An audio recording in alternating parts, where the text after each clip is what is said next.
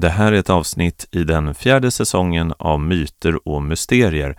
Säsongen har rubriken Sagorna.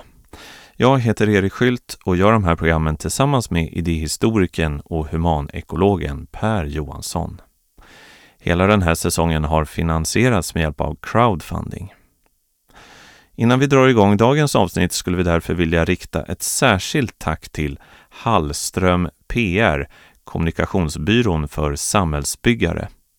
Stiftelsen Psykosyntesakademin, utbildningar och terapi med plats för själen och din personliga saga. Fria rättsläkarna, för dig som tvivlar på att den medicinska bedömningen är korrekt. Samt Emil Ros av Hjälmsäter. Men nu är det dags för dagens avsnitt av Myter och mysterier.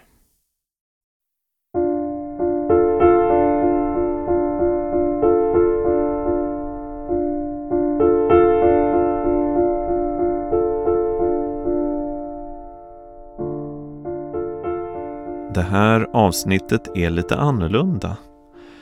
För just idag tar vi egentligen inte avstamp i någon direkt scen ur Tolkiens Sagan om ringen. Istället börjar vi ganska så vardagligt. Det handlar då om namn. Varför heter vi just det vi heter? Vad kan det betyda? Vad innebär det egentligen att ha ett namn? I grunden blir det en fråga om vad språket är, vad ord är och vad orden har för betydelse i våra liv.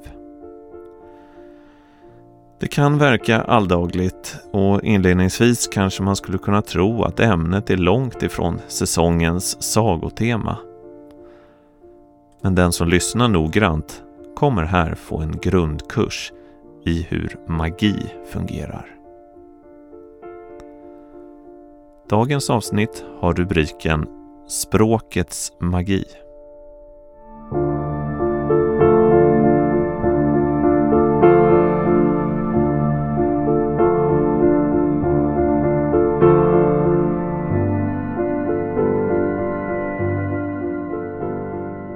Jo, men det är ju faktiskt så att jag ska ju få barn till hösten.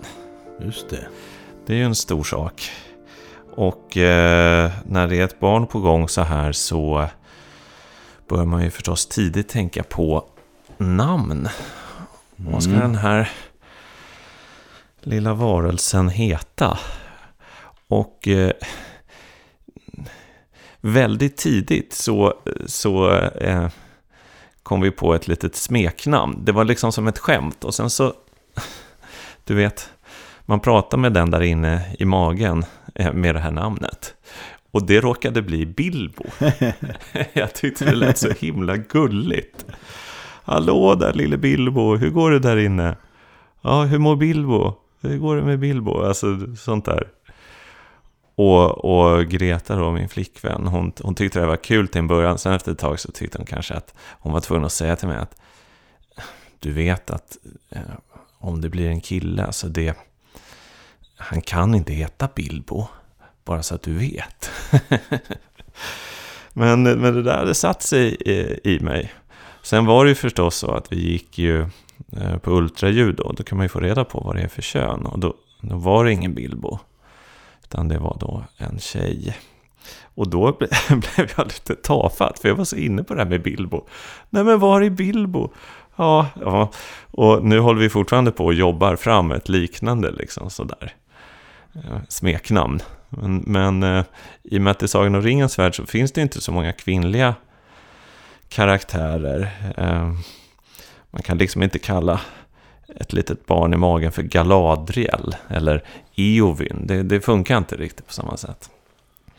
Och så har vi tänkt då nu hela sommaren på det här med namn och har massa olika idéer. Men det är svårt att bestämma sig. Man får väl se vem det är, vem det är som dyker upp också.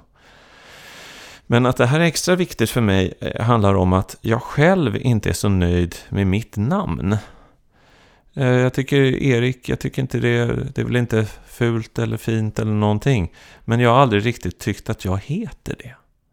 Mm. Det här är en, en, en djupt mystisk upplevelse. Jag, jag, heter egentligen någonting annat. Eh, jag heter inte Erik i alla fall.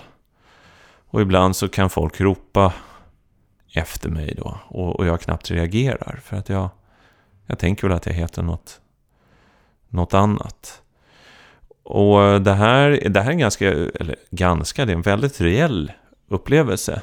Samtidigt så vet jag att det här har någonting med myten och sagans värld. För att väldigt många, särskilt sagor, handlar om någon som, som är ute i världen för att hitta sitt riktiga namn.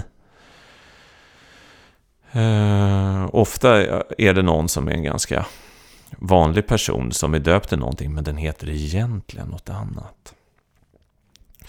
Och det här finns ju i religiös tradition så är det ju ofta att när, när man når sin upplysning eller blir döpt eller vad det är, så får man ett nytt namn. Mm. Och Jesus, när han träffar sina lärjungar ger han dem smeknamn och de får nya namn. Och, och Paulus, när han möter Jesus i ett ljussken så går han från, han heter väl Saul först va? Ja. Eller Saulus. Saulus. Saulus ja, så blir han Paulus. Så det här med namn, det har en lång historia. Uh, och jag upplever då att jag själv är på jakt efter mitt namn. Och jag tänker spontant på uh, den här serien Trollkarlen från övärlden av Ursula K. Le Guin. Eh, där det här med namn, det är en fantasyvärld och där, där namn är otroligt viktigt. Eh, där man då, särskilt om man är trollkar, får man inte avslöja sitt riktiga namn. Förutom till några väldigt, väldigt nära vänner. Och eh, det är en stor hemlighet att få reda på någons riktiga namn. Så där går alla omkring och, och har smeknamn på varandra. Så att hjälten här i den serien heter då Sparvhök. Men det är inte hans riktiga namn. Utan det riktiga namnet vet bara hans mästare och några till. Så att det här med namn då, mm, det är laddat. Vad har allt det här med eh, Tolkiens värld att göra? Jo, eh, jag tänker så här. Det här har du och jag pratat om under inspelningarna här. Att eh, vi har ju båda starka läsupplevelser från barndomen eller tonåren eller ungdomen i alla fall. Av de här böckerna. Och så har vi tagit oss an dem i, i vuxen ålder nu. Och någonting man slås av som är lite jobbigt. Det är att eh, rent litterärt så skulle jag säga att böckerna inte är så bra. Ja, det där eh, irriterar, eller vad ska man säga, störde mig ganska mycket. Eh, innan vi, innan, innan vi, jag kommer in mera på namn, namnfrågan, kan, känns som man kan, kan säga någonting om, om det. Jag läste ju Sagan om ringen-trilogin första gången i 20-årsåldern och gjorde ett otroligt intryck. Det var verkligen som en annan möjligheten av en annan värld öppnades. Ja, och, och den känslan, för mig sen dess då så har Sagan om ringen varit förknippad med den känslan. Snarare än med sig själv om du förstår vad jag menar. Eh, och jag läste, senast jag läste om den innan jag har åtminstone till en del läst om den nu då, inför den här inspelningen. Senast jag läste om den innan dess var nog 10, 12, kanske ännu längre sedan, 15 år sedan kanske. Och då var den fortfarande kvar lite av den där auran, men in, inte riktigt lika starkt. Men jag tänkte faktiskt inte sådär jättemycket på språket då. Men nu när jag har läst den så fick jag närmast en, en, en, en chock. för att, för att det, det, är rätt stolpigt och träigt och, och, dialogen är liksom styltad ibland. Ibland glimtar det till kolossalt fortfarande och jag kan få den där uh, hisnande känslan av oh, där fick han till det.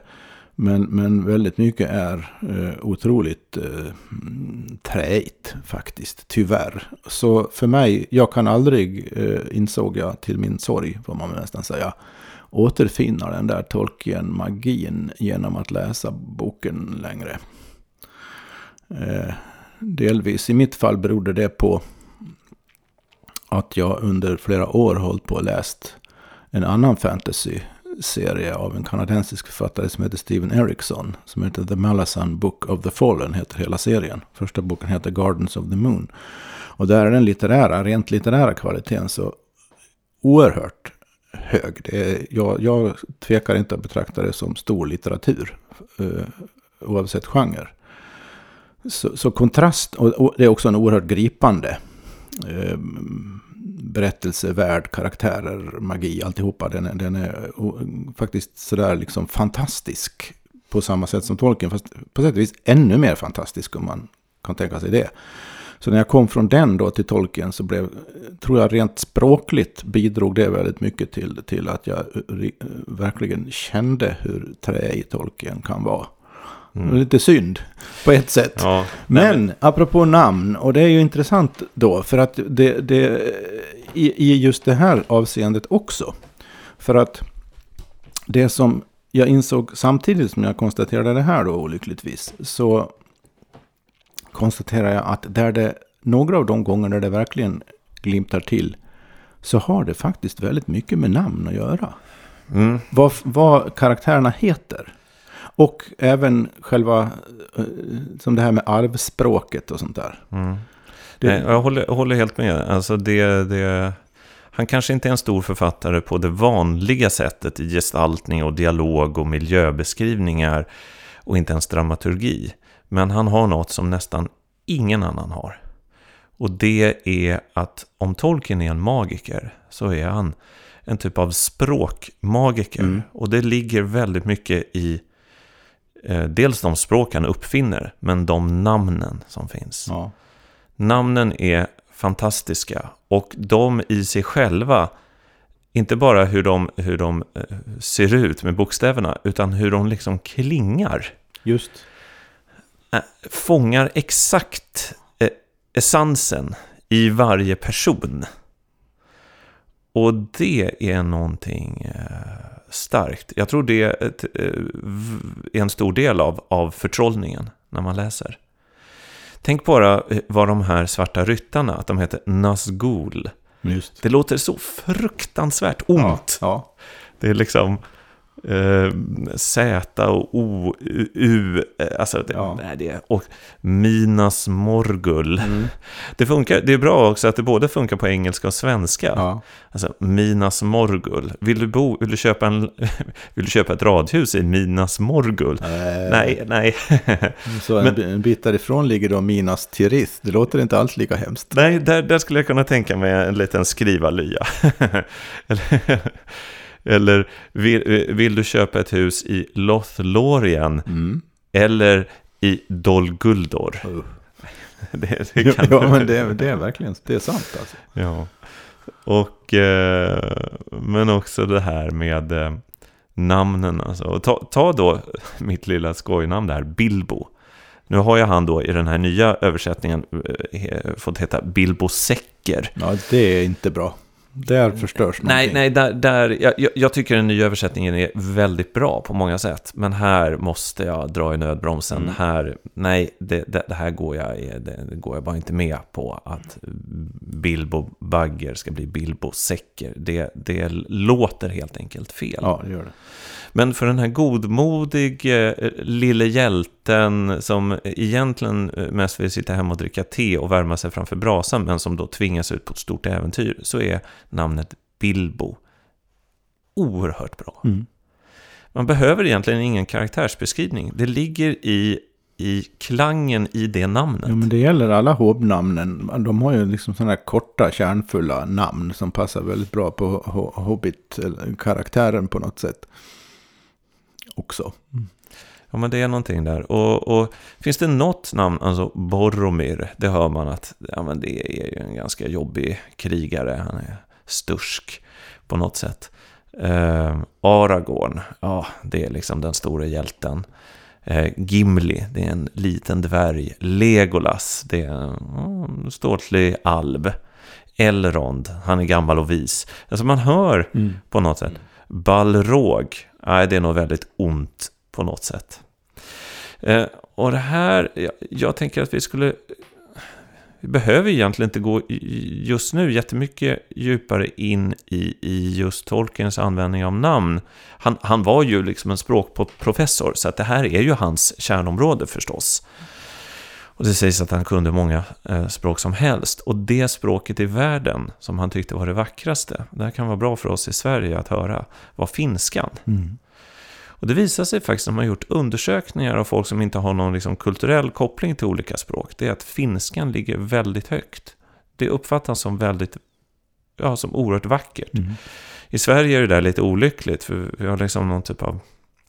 Många har det i alla fall, en, en, en lite fördomsfull syn på just finskan. Som att den är brutal ja, eller konstig ja, jag, jag älskar hur finskan låter. Jag kan lys lyssna på finska sånger som jag inte fattar ett ord av. Bara för att det, själva orden, språket låter så vackert. Faktiskt. Och det finns ju språk som i mina öron i alla fall inte, inte låter så vackra, nej, tyvärr. Nej, men där har då, så att det sägs att finskan är liksom en av inspirationskällorna till alvernas språk faktiskt. Mm, mm.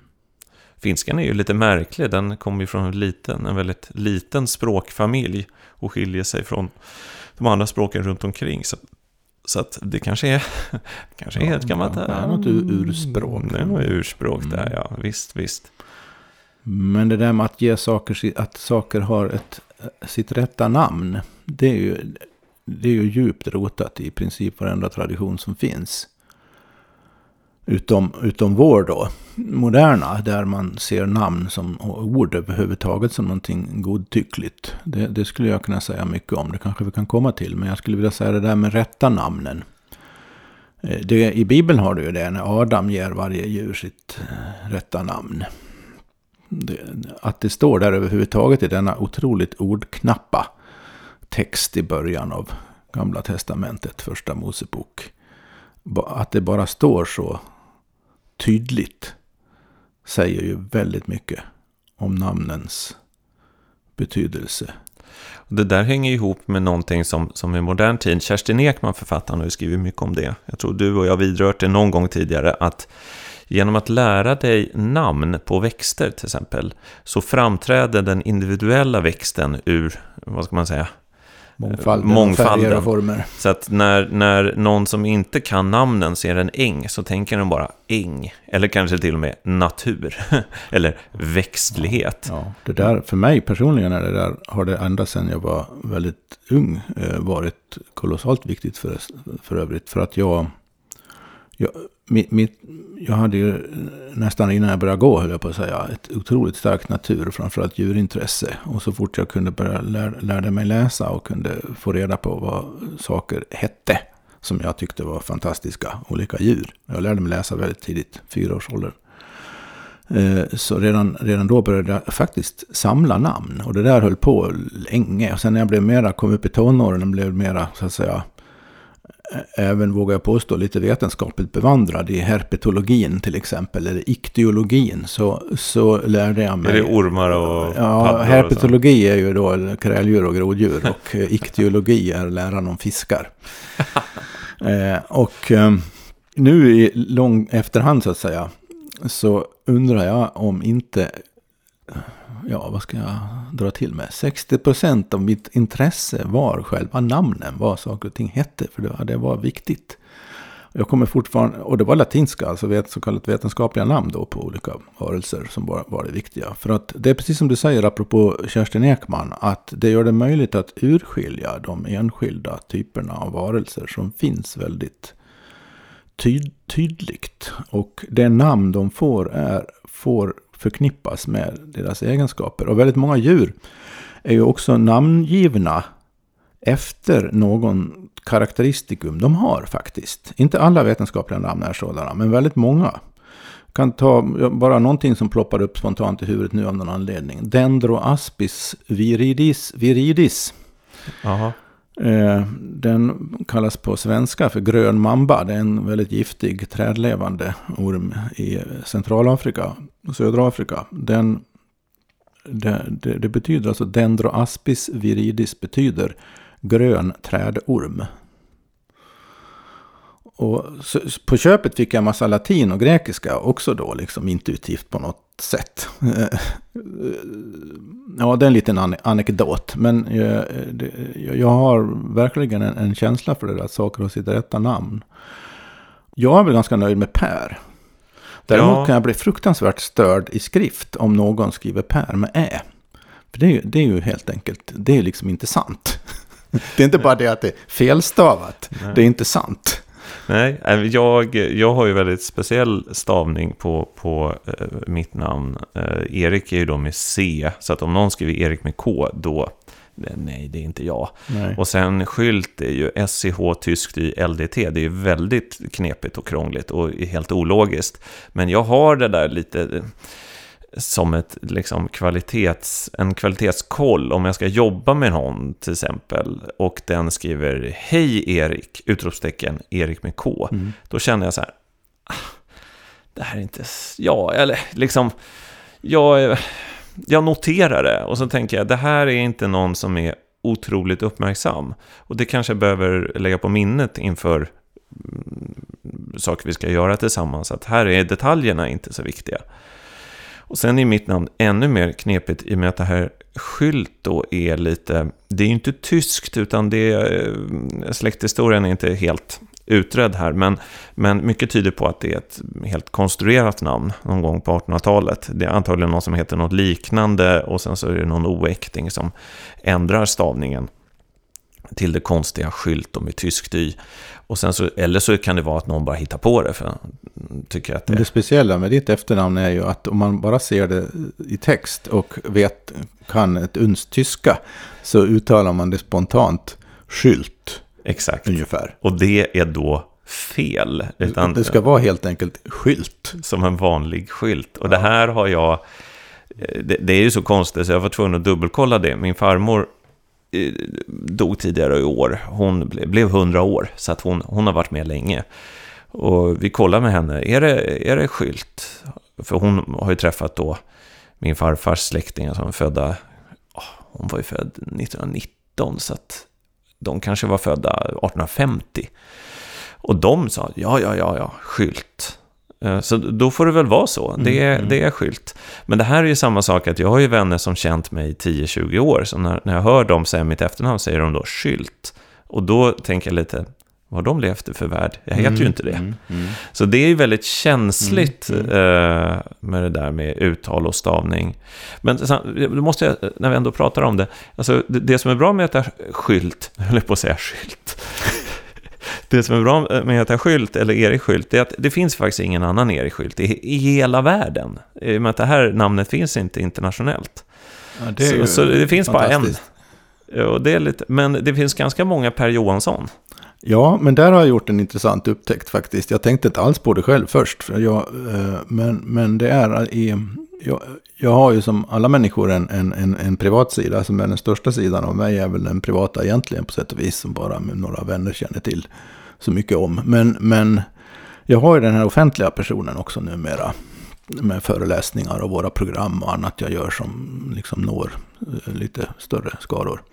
Och då insåg jag för, för något år sedan att ja, men alla som är i den branschen, i, i min typ av verksamhet och i min, mina genrer, om jag kallar det för det, de har alla möjliga antingen har de något fint namn enstaka, men många, många har säkert bytt namn då. Antingen de själva eller deras föräldrar bytt namn, för de hette Andersson och Johansson och sånt och tyckte det fanns så många sådana, så de skulle ha något mer unikt namn. Särskilt om de skulle nå synas i offentligheten så skulle, tänkte de att det skulle vara väldigt bra att ha något. Så alla har sådana där liksom hittepå-namn eller gamla namn. Eh, utom jag då i princip. Jag, i, I mina verksamhetsområden så undrar jag om det finns någon annan Per Johansson. Så egentligen sticker jag ut då genom att ha ett helt vanligt namn. Ja. Det är rätt intressant hur, hur det där kan, kan funka på, på konstiga vis. Ja, det där, det där, allt det vi har sagt hittills nu säger väl egentligen, det låter lite som vi sitter här och småpratar över en kopp kaffe och konstaterar det ena efter det andra. Och det, det eh, har väl den karaktären. Men jag tror att det vi håller på att börja ringa in här är någonting som faktiskt är mycket viktigare än jag vågar påstå att de flesta, även akademiker, riktigt eh, har förstått. För jag har faktiskt ägnat mig även under min akademiska bana åt att reda ut det här med namn och ord i förhållande till verkligheten. Och min väldigt starka uppfattning är att ord är in, ord, i synnerhet inte namn, men ord generellt, inte om vi håller oss till substantiv. Substantiv är ju på sätt och vis namn på saker kan man säga. Så man urskiljer någonting som eh, skiljer sig från annat. Och så sätter man ett ord, ord på det. Och det är ju det vi kallar i vår, vårt språk, vår grammatik, är substantiv. Namn. Då finns det en väldigt vanlig uppfattning numera eh, i olika forskarkretsar. Eh, allt från lingvistik till antropologi och allt vad det kan vara. Att, att, att substantiv eller ord är godtyckliga. Det vill säga det är någon sorts, eh, kanske inte direkt slump, men ja, i princip. Om man ser det på ett teoretiskt filosofiskt plan. Vad man säger är egentligen att det är inte slump vad saker heter. Och så har man vant sig vid att en, en kyckling, det heter kyckling. Men det skulle lika gärna kunna heta något annat. Det skulle kunna heta propodium eller någonting. Ja, det är bara, alltså, eller ja. klabock. Eh, det, det, det är liksom... Det, och när man hör det, det är någonting som skär sig bara man säger det. Klabock, men vad fan är det liksom? Det, det, kyckling, det vet man ju vad det är va? Och, men då, då säger den här uppfattningen om språk då att eh, det är bara som man har vant sig. Generation efter generation. Det finns inget samband mellan ordet kyckling och själva kycklingen överhuvudtaget. Och det där undrar jag om det egentligen stämmer. För att vad som försvinner, en för mig väsentlig del av verklighetsuppfattningen som försvinner om man påstår att språkets uttryck är godtyckliga. Det är relationen mellan språket och verkligheten. Och inte bara det. Relationen mellan oss och vår omgivning. Det blir, egentligen blir det två frågor, om man ska vara filosofiskt noggrann här nu då, så blir det två frågor. Den ena frågan är, är det godtyckligt från början, allra första gången någon satte namn på kycklingen? Är det så att säga godtyckligt? Skulle den personen eller de personerna kunna ha satt, hitta på något annat ord, annat ljud för, för den varelsen? Eller eh, hade de någon sorts intuitiv insikt som gjorde att de valde just de ljuden? apropå vad vi sa om namnen i Sagan om ringen, att vissa namn låter onda, andra låter goda. Mm, ja. Och de kände, i, i de så att säga ljudbild som fanns i deras värld, i deras kultur, i deras folk, så kände de på sig att kyckling, det är det, det, är precis vad det där är. Det är det det är. Det mm. låter rätt så att mm, säga. Det låter som en... Sen finns det ingen så kallad rationell förklaring till det. Men det är en intuitiv förnimmelse av att kyckling passar. Ja. ja Nej, det, men... det är liksom en teori. Mm. Den andra teorin skulle vara då att det är ren slump. Vilket ord, ord det blir. Va? Mm. Men, så det är den ena filosofiska frågan, ursprunget. Men sen, när, oavsett hur, vad svaret är på den då, när det väl är etablerat och börjar användas, då går det ju inte att ändra det. Och då är det faktiskt rent funktionellt i praktiken inte godtyckligt överhuvudtaget. Du kan ju själv börja börja försöka att gå till eh, någon, någon restaurang och, beställa, och beställa en klarockrätt. ja, nej, nej. Så, så det, det, är något väldigt lurt det där med, med jag tror att det är en, en, en sorts rationalistisk eh, konstruktion det där, att språket är godtyckligt. Jag tror inte det är sant. Men, men menar du att, det, att sakers karaktär, om man säger så, ligger då gömt inuti ordet? Ja. Alltså kyckling är ett ganska bra exempel, för att kyckling, det, det, det låter ju som någonting litet. Jag tror inte det här bara är kulturellt betingat, utan det um, låter nästan lite också så som kycklingar låter faktiskt. ja, ja jo, jo, det är sant. Uh, det, det, ja, det, det, har du rätt i. det finns Och det är intressant där. att konstatera att ju äldre ord man tittar på mm. och funderar över de här frågorna, mm. desto mera min intuition säger så. Och den som tycker sig ha någon intuition kan ju själv göra det här experimentet. Ju äldre ord, desto bättre stämmer de med det de står för. Det de uttrycker. Ju nyare ord, och i synnerhet många moderna ord som har tillkommit efter eh, 1600-1700-talet i vår del av världen. Modern, moderna språket väldigt mycket. Och ännu, det har bara accelererat. Så under, under 1900-talet och under, efter andra världskriget har det så att säga blivit ännu värre i det här avseendet. Där, där finns det ofta inte den här relativt starka intuitiva kopplingen mellan ordet och vad det betecknar. Vilket jag tycker är ganska intressant. För att i så fall sammanfaller det ju med framväxten av själva den teori jag kritiserar som säger att språket orden är godtyckliga i förhållande till vad de står för. Mm. Mm. Så det blir ytterligare ett indicium i ett möjligt avancerat argument här. Jag har bara antytt det här nu, men lyssnarna kan ju ta sig en egen funderare på det här. Men om vi säger så här då, nästan en banal fråga. Eh, Nu tänker jag på, på människor då, och personer. Varför heter man någonting? Ja, just det. Alltså, det, är det inte... det är en otroligt djup Ja. fråga faktiskt. För ibland så kan jag... eh, Och det här, det här hänger ihop med de här barnfunderingarna. Att, att det, det är så uppenbart också att... eh, Alltså, om man tittar på... Det går ju trender i namn. Och, och det, det finns en väldigt...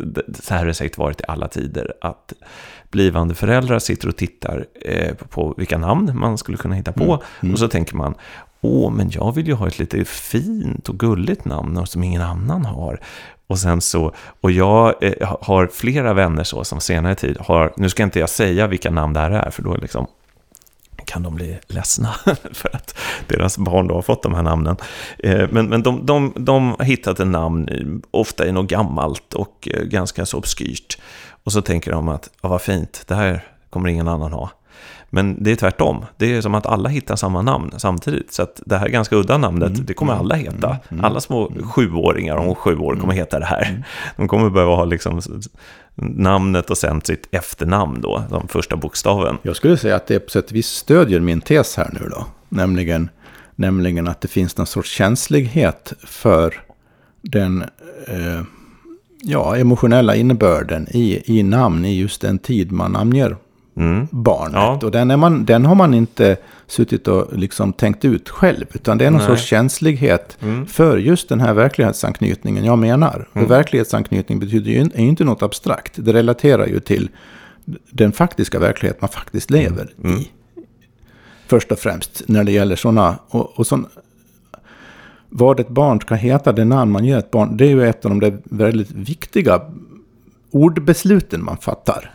De, de flesta ord man växlar under livet är inte lika viktiga Nej, som, som det egentligen. Så att, och så därför blir det extra känsligt för den där intuitionen jag menar på något sätt ja finns. precis. Alltså det, det, namngivandet är ju väldigt eh, speciellt för att när annars får man ge namn till någonting som är helt unikt. Mm.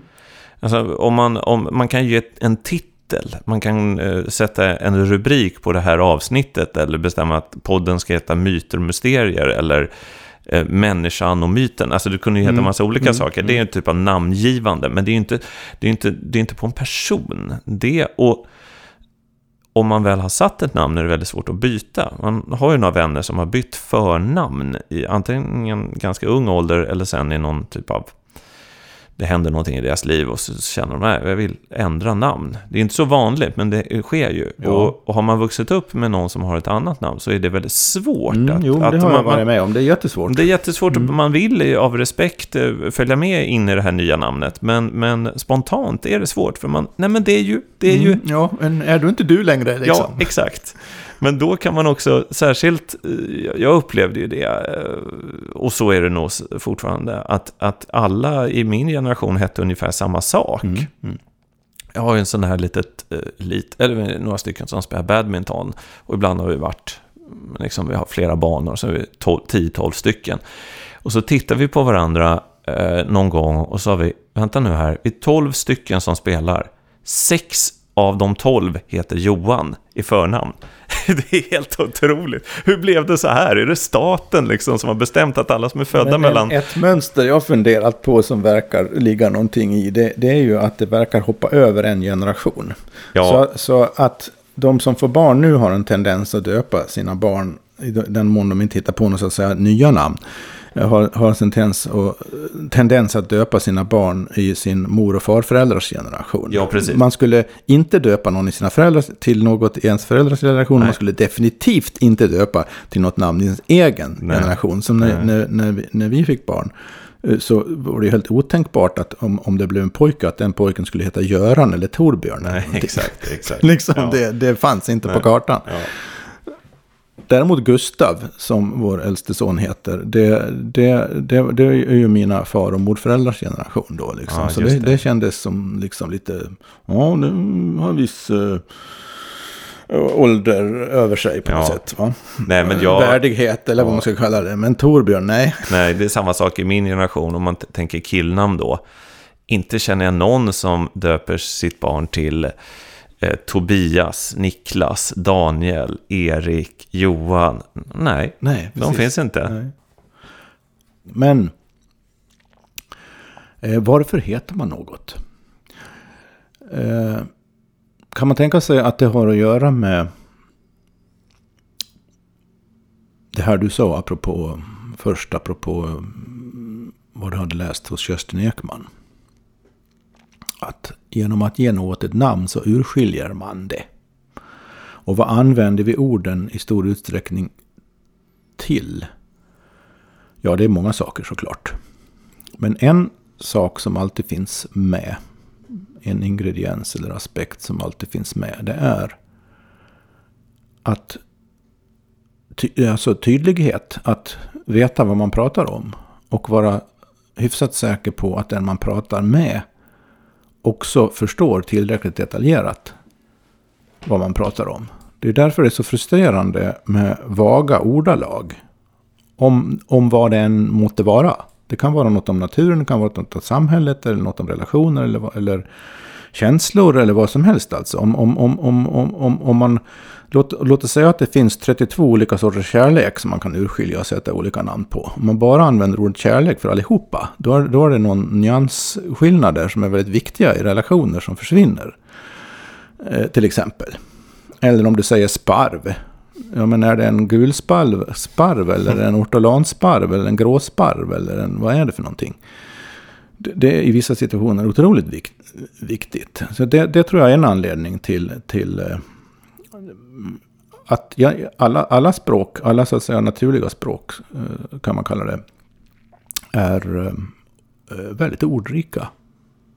Och extra ordrika på de områden som är av uppenbar vikt i de kulturerna. Även om det inte är... Man kan säga så här generellt tror jag. Om det finns någon lingvist, språkhistorisk lyssnare här nu då. Så får ni väl skriva ett mejl och rätta mig. Men om jag drar mig till minnes så är det väl egentligen inte helt rätt att säga att olika naturliga språk är mer eller mindre nyansfulla. Utan alla har de ord de behöver. Och det kan finnas fler ord i vissa språk om man räknar rent ordspråks, ordboksmässigt. Men frågan är, man får ju ofta höra till exempel att, att engelskan har fler ord än svenskan. Och därför kan man säga saker på engelska som man inte kan säga på svenska. Och det är sant på ett sätt. Och det är ju en, eh, det, det är eh, i ännu högre grad sant mellan språk som är väldigt olika varandra, som kinesiska och svenska till exempel. Där, där man nästan ibland kan undra om, eh, om orden har samma... Om ordet ord betyder samma sak nästan. Ja. Så det, Men, men mm. så det där, och det, och det där, det där kan man ju orda mycket om. Min poäng är i alla fall är att de ord som behövs finns för väldigt fina nyanser mellan saker och ting. Och i de fall det behövs nya ord, det kan vara någon ny uppfinning, någon ny teknik, det kan vara någon ny social relation som inte har funnits i historien tidigare, eller det kan vara nyupptäckta djur och växter. Då behöver ju de nya namn, som in, nya ord. Ja, man måste, ibland måste man hitta på nya ord helt enkelt, såklart. Det gör man ju också. Men eh, eh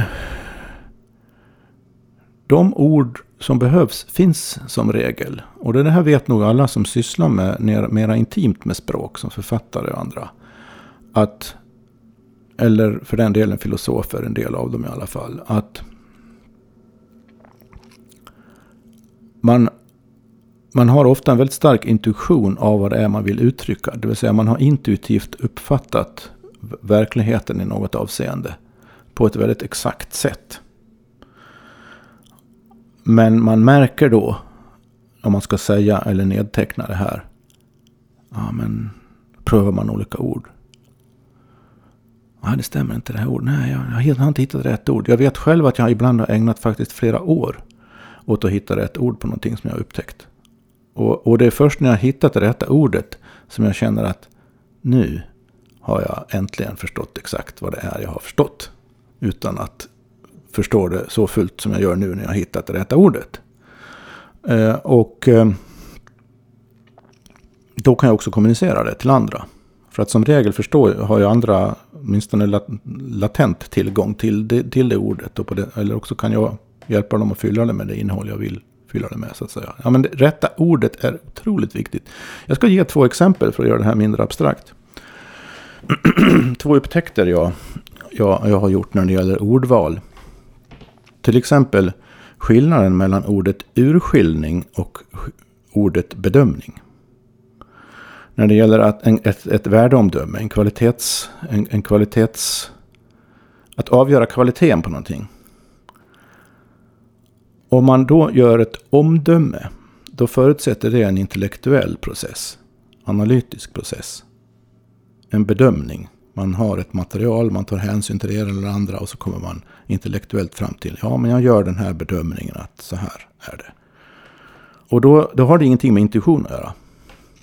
Om man däremot använder ordet urskiljning så relaterar det direkt till intuition. För en urskiljning kan man göra spontant på sekunden. Mm. Mm.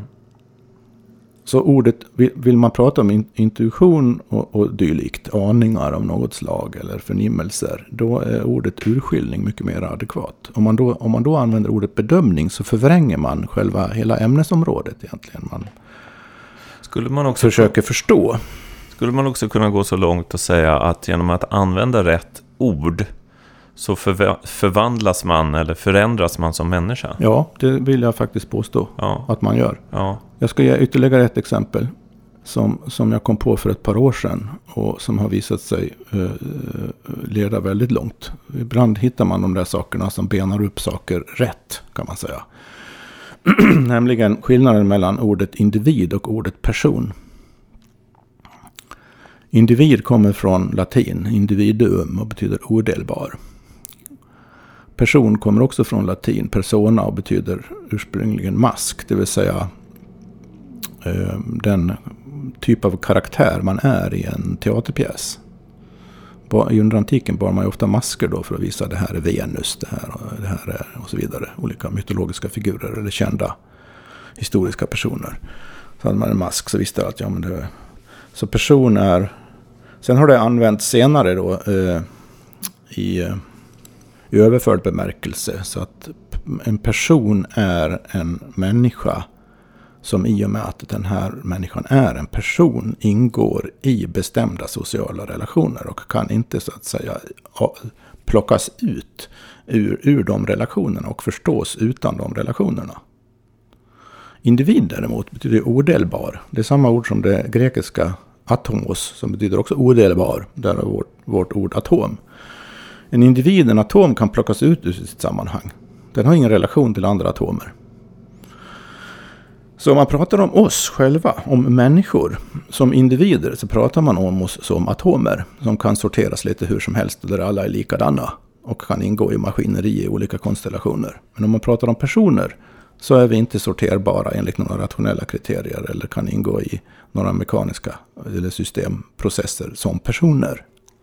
Så att bara här, genom att välja rätt här, så benas en hel sociologisk fattabur upp. Liksom. Ja, och då, då, ändrar du din, din syn både på människan och samhället genom att eh, hela tiden prioritera ordet eh, person då. Ja, det beror på sammanhanget. Ja. Jag vet att jag har haft föreläsningar i sjukvårdssammanhang där jag har använt mig av den här distinktionen för, för, för läkare och andra. Och, och det har gjort stort intryck för att de har själva upplevt det här väldigt starkt. För att om, om du ser på en människa som en individ i vårdapparaten det är ingen slump att det heter vårdapparaten ju. Om du, om, om du ser en människa som en individ i vårdapparaten, då, då kan den sorteras enligt en sorts löpande bandprincip. Olika stationer med olika eh, yrken som tar hand om olika aspekter av den här atomen som färdas genom systemet. Och det är en väldigt rationell industriell process närmast, så som sjukvården fungerar i stor utsträckning. Eh, om du däremot eh, ser på människan som kommer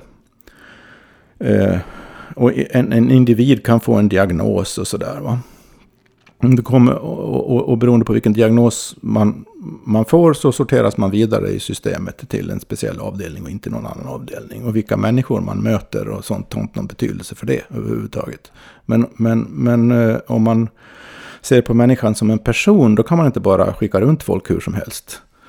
Utan då måste man relatera till den här som, som, som en, en varelse av kött och blod som, som har relationer och familj och vänner och allt möjligt och har bakgrund och känslor och, och det, kanske, det kanske den här rent medicinska biofysiska diagnosen är kanske inte det som är det väsentliga för vad den här människan nu lider av utan det är andra saker man kan behöva ta hänsyn till. Och om, om man börjar tänka för mycket så och relatera för mycket så som läkare eller sjuksköterska eller någonting i vårdapparaten då har man en tendens att stoppa upp hela maskineriet. Då tar det till exempel alldeles för lång tid för att träffa en patient. Då, då klarar man inte av det på en kvart, då kanske det tar en och en halv timme.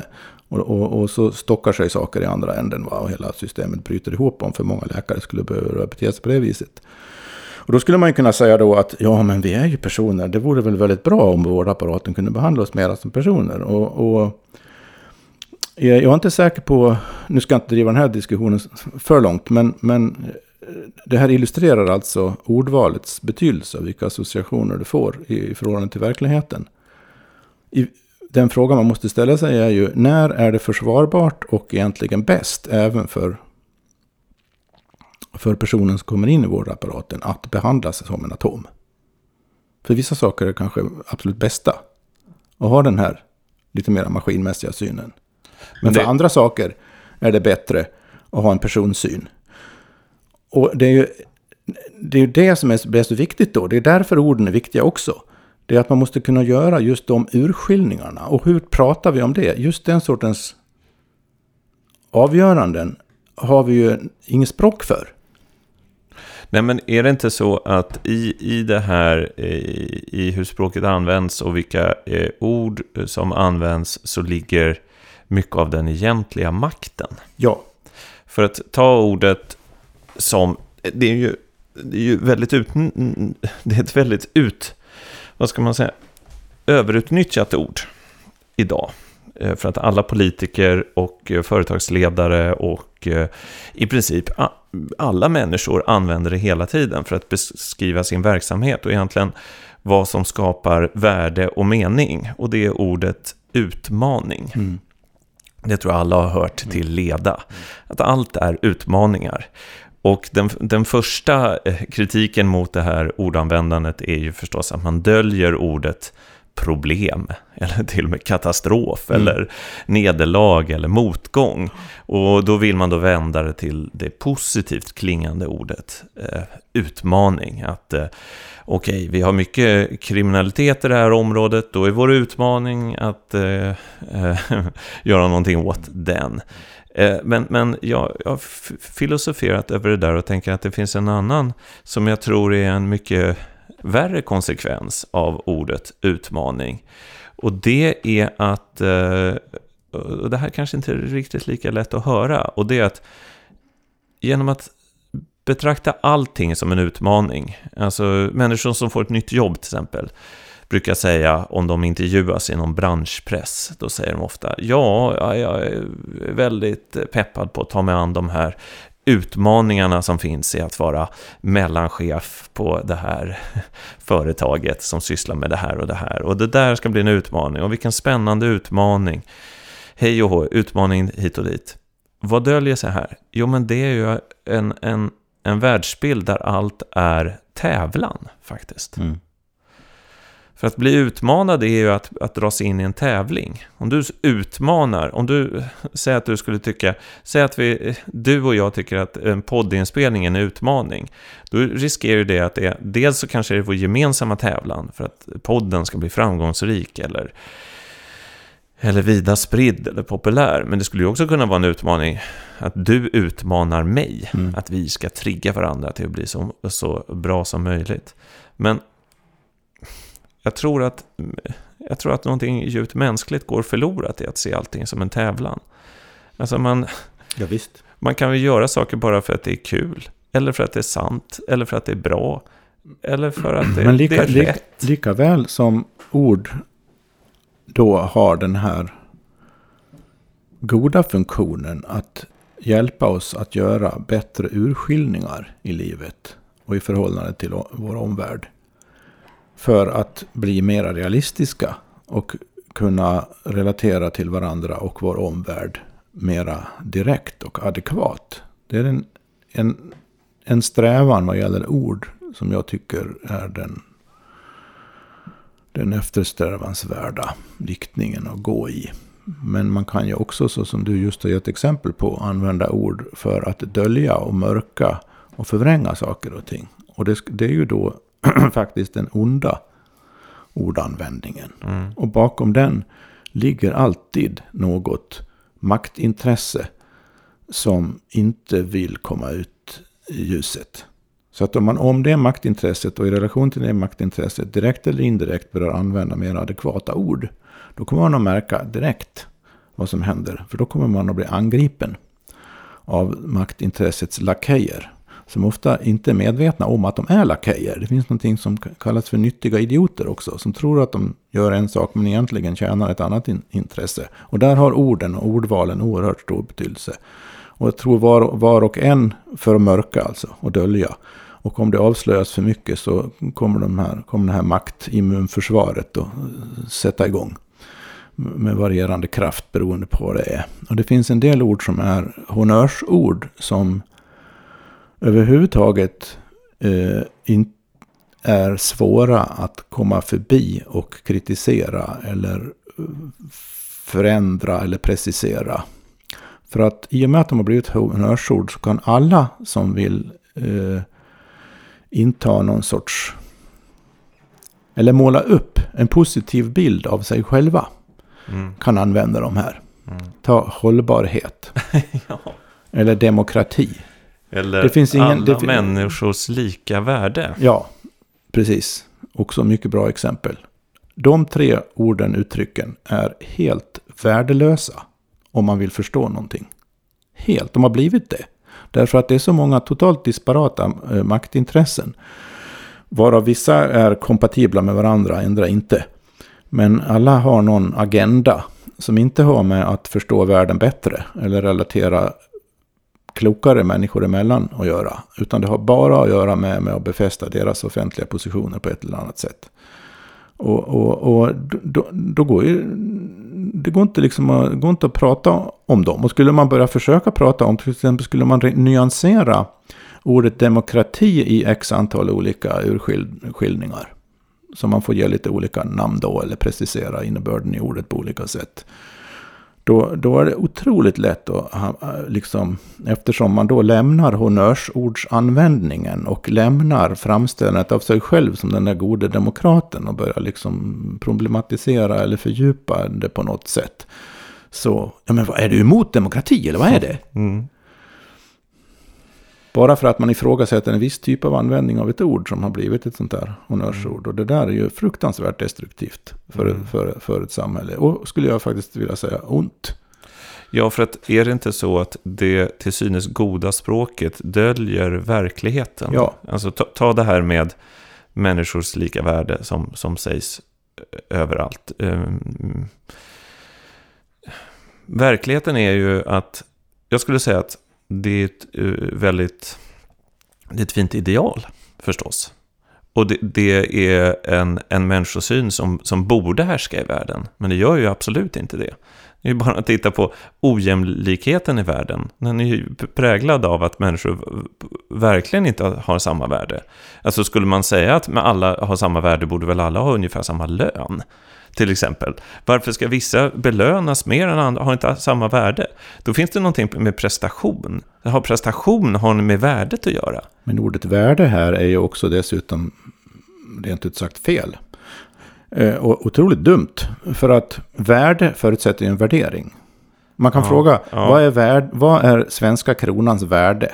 Ja, Ja. Mm. då måste man relatera det till andra valutor då. Vad är det dess värde i relation till dollarn eller pundet eller någonting? Ja. Ja, och då kan man sätta en siffra på det där. Ja. Och man kan mäta det på olika sätt. Precis. Och likadant pris. Vad, är den här, vad, är, vad är den här boken värd?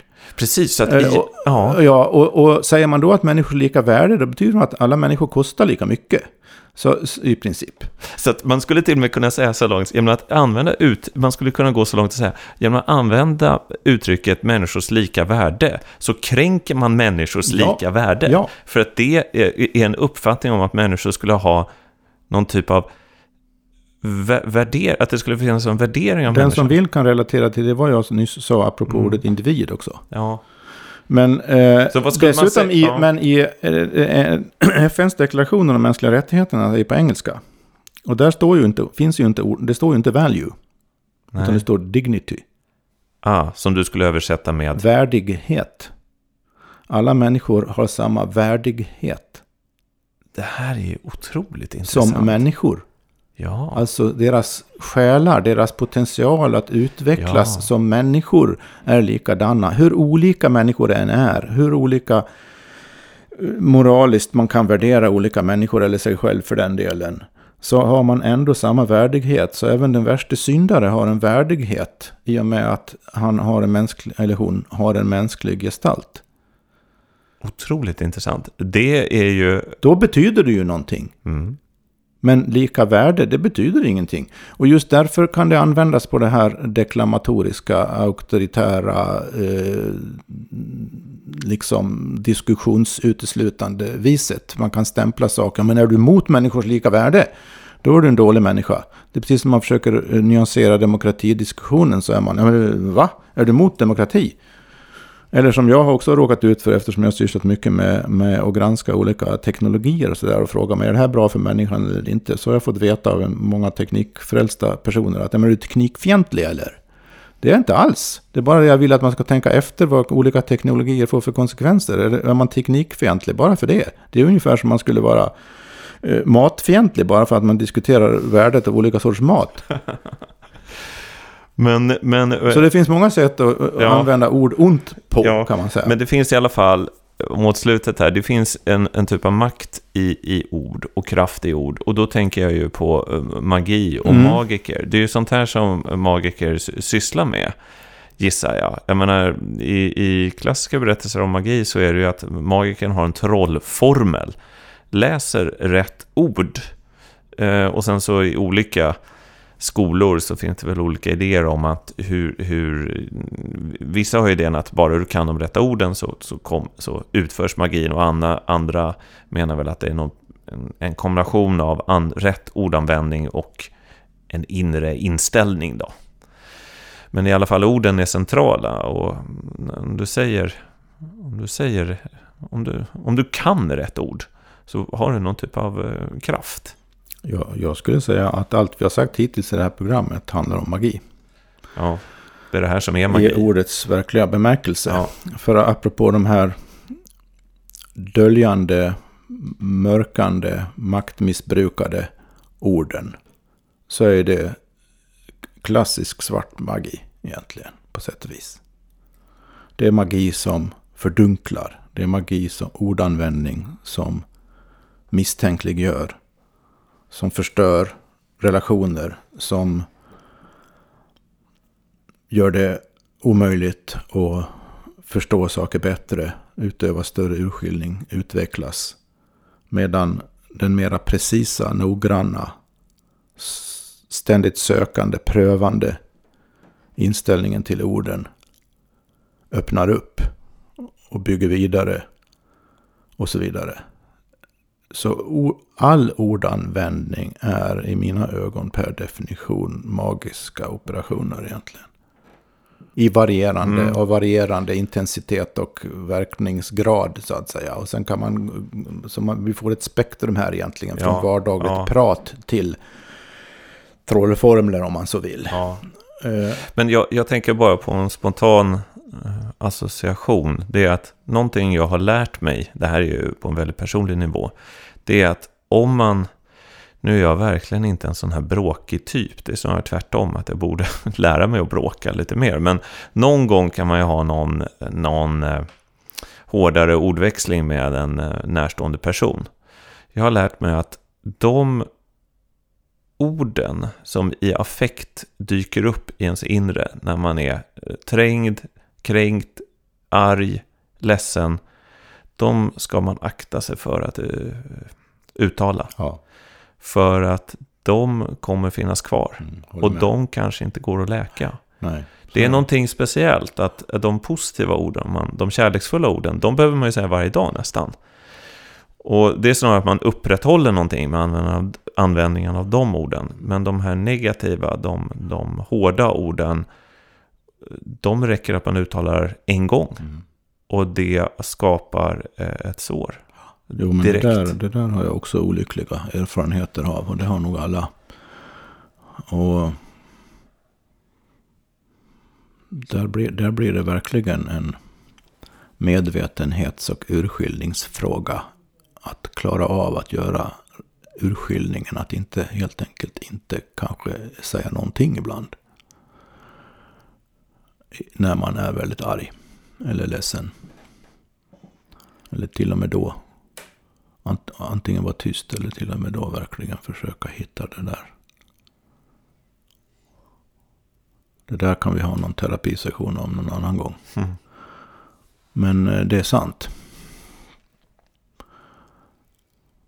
Ordens oerhörda betydelse nu då inom magiskt avseende. Verkning, det har, magi har ju med verkningsgrad och verkningsfullhet att göra. Det har ju med någonting som åstadkommer effekter. Den utbyte vi har haft om det här nu då illustrerar ju faktiskt, eller demonstrerar, återigen sagans realism. För i sagorna är orden alltid extremt viktiga.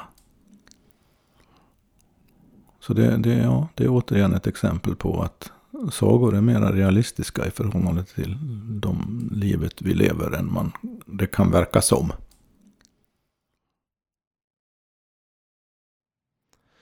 Du har hört ett program om myter och mysterier. Avslutningsvis vill vi särskilt tacka Campfire Stories, en plattform för podd och film som vill inspirera till en värld i social och ekologisk balans. Marianne Holmberg som erbjuder Framtidskartan, en individuell guidning för dig som vill reflektera över din livsberättelse fram tills nu och rita kartan till din framtid. Fotografen Aron Mattsson samt vår webbmaster Ludvig Lindelöv.